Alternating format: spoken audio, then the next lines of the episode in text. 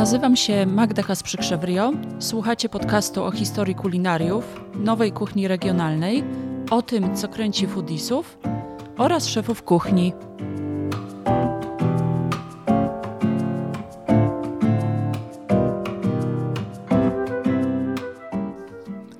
Cześć, cześć, dzień dobry, witam Was dzisiaj bardzo serdecznie w mojej opowieści o najważniejszym gospodarczo biznesie mięsnym pierwszej Rzeczpospolitej.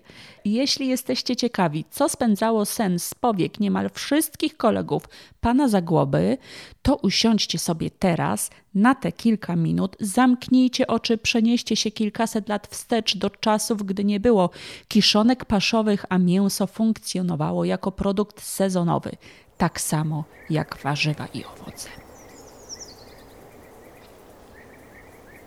Polska miała milion kilometrów kwadratowych powierzchni, a żyło w niej około 10 milionów ludzi różnych wyznań i narodowości, zaś sztuka mięsa i pekefleisch, czyli solona i peklowana wołowina, o której będę mówić kiedy indziej, łączyły kuchnię wielu nacji, tak samo jak klej kropelka, kawałki talerzyka stłuczonego podczas małżeńskiej kłótni. Być może zaskoczy Was to, ale według sporej części historyków już w średniowieczu wołowina pod różnymi postaciami stanowiła zaraz po słoninie najczęściej konsumowany produkt mięsny, nawet i 80%. Dlaczego? Otóż jest kilka powodów. Y, po pierwsze, średniowieczna świnia dawała w porównaniu do tych współczesnych o wiele, o wiele mniej mięsa, za to o wiele więcej pożądanego tłuszczu. Po prostu nie było raz mięsnych wówczas. Z kolei wół dawał tego mięsa górę. Y, poza tym wieprzowina według dietetyki humoralnej, czyli takich ówczesnych zasad żywieniowych, znajdowała się na samym dole tej hierarchii, dlatego że świnie przecież ryły w ziemi, biegały sobie luzem po miastach, spały pokotem byle gdzie, żarły byle co, nawet czasami zjadały niemowlęta pozostawione bez opieki i to wcale nie jest żart. Zaś spokojny wół dawał prócz mięsa jeszcze skórę i wiele innych produktów. Socjolog Jarosław Urbański ryzykuje zresztą tezę, że wielkie zapotrzebowanie na mięso, w tym przede wszystkim wołowinę, zrodziło się w miastach, dlatego że tam rozwijało się rzemiosło, na przykład garbarstwo, a do tego potrzeba było dużo zwierzęcej skóry. To jedna z teorii. Wyobraźcie sobie zatem, że liczącymi setki kilometrów traktami wędrują w wolnym tempie wielotysięczne stada wołów, które przepędza się ze wschodnich rubieży na zachód.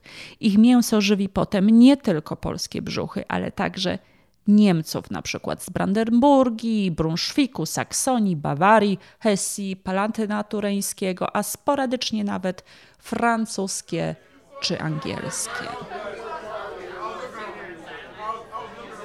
No i tak, tak, byliśmy kiedyś wołową potęgą, a na wschodzie kraju, czyli gdzieś bardzo daleko, rozgrywały się zuchwałe historie rodem z dzikiego zachodu, a raczej wschodu. Dochodziło tam i do rabunków wielkich stad, i do oszustw w pogoni za rządzą zrobienia biznesu na skróty. Przez wiele lat na pograniczu polsko-mołdawskim handel wołami był zresztą zakazany, dlatego że większość zwierząt pochodziła z przemytu albo kradzieży, a zrabować, jak się okazuje, można było nawet stado liczące wiele tysięcy sztuk zwłaszcza zwierzęta wypasane na terenach nawiedzanych w XVII wieku przez tatarskich innowierców, tych samych, którzy wedle legendy własnymi pupami mieli rozklepywać twarde kawałki mięsa.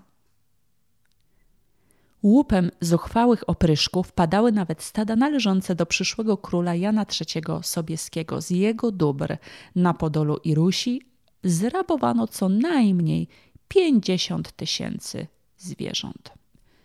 Według niektórych wyliczeń na początku XVII wieku liczba wołów w Polsce mogła dochodzić nawet i do miliona. nie licząc cielaków i krów, a za granicę eksportowaliśmy nawet i paręset tysięcy sztuk. W obliczu współczesnych liczb, przykład spożycia miliardów brojlerów i milionów świń, ta liczba wydaje się bardzo niska, ale mowa, pamiętaj o tym, o zupełnie innej rzeczywistości.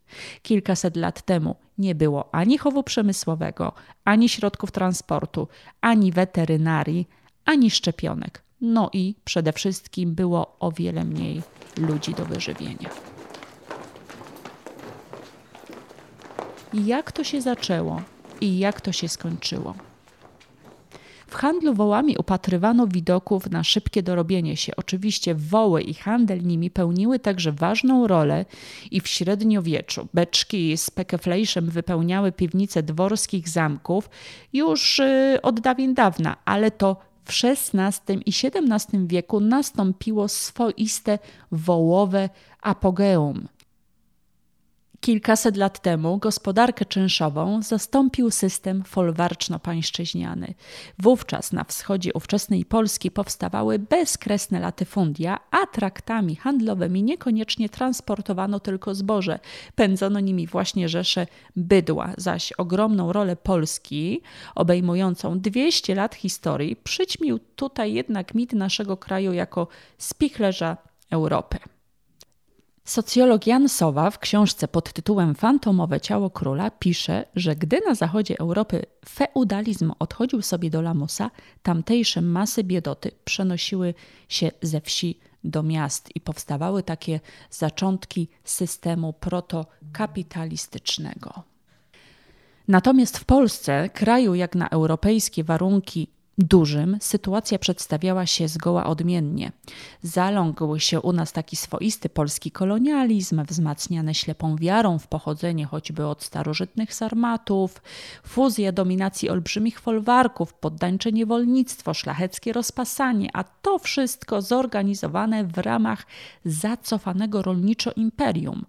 I właśnie na wschodzie rozwinęła się hodowla wołów na wielką skalę, a kolonizatorem była szlachta z korony. W gęsto zaludnionym centrum Polski utrzymanie takich wielkich stad było niemożliwe, także ze względu na trudności jego wyżywienia zimą, bo jak e, już wspomniałam, kiszonek paszowych przecież nie znano.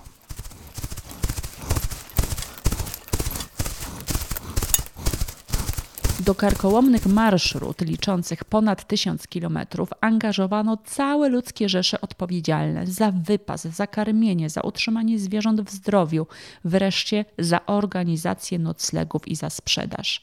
Stada pokonywały jedynie do 20 km dziennie, a w trakcie wędrówki zwierzęta nie tylko traciły na wadze, oczywiście trzeba je było potem podtuczyć, ale były i narażone na ulewne deszcze, susze, mrozy, zarazy. Słowem, biznes był to ryzykowny ale bardzo opłacalny, mniej więcej, no nie wiem, jak e, według niektórych inwestycja w kryptowaluty.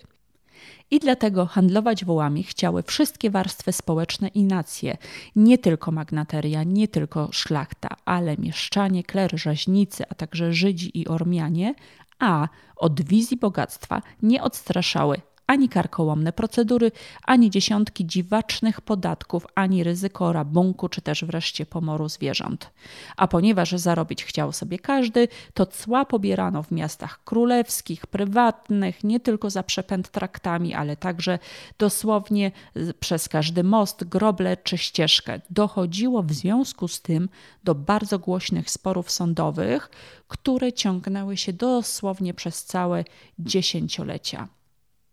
Niemniej, wraz z postępującym upadkiem kraju, także i handel wołami stepowymi stracił na znaczeniu.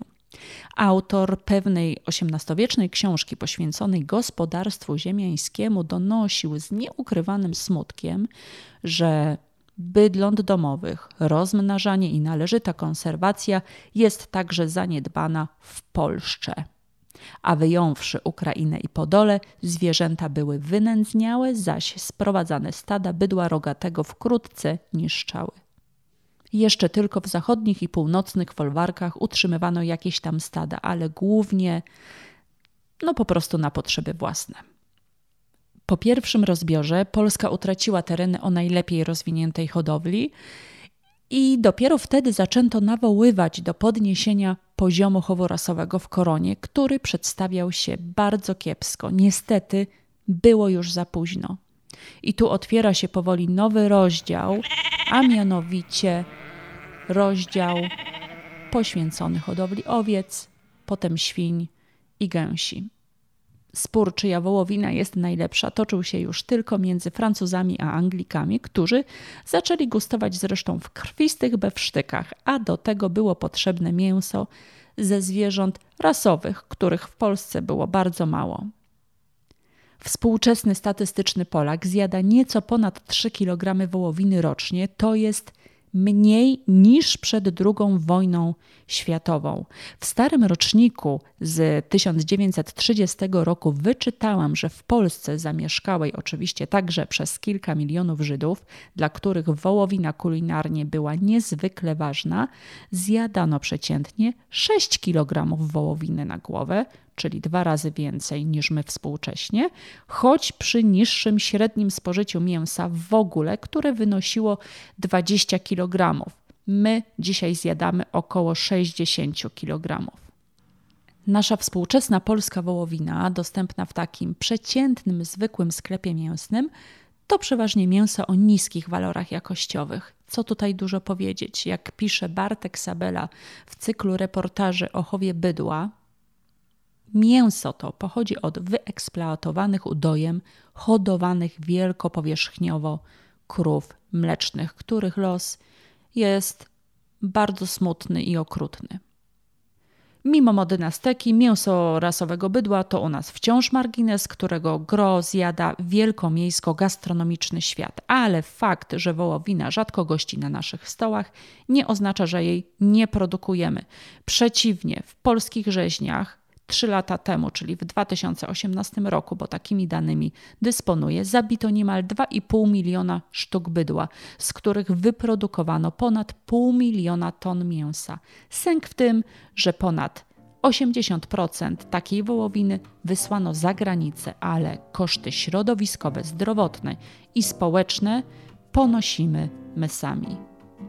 I tym stwierdzeniem dziękuję Wam za wysłuchanie dzisiejszej opowieści. Do usłyszenia w następnym odcinku. Serdeczne papa, miłego dnia.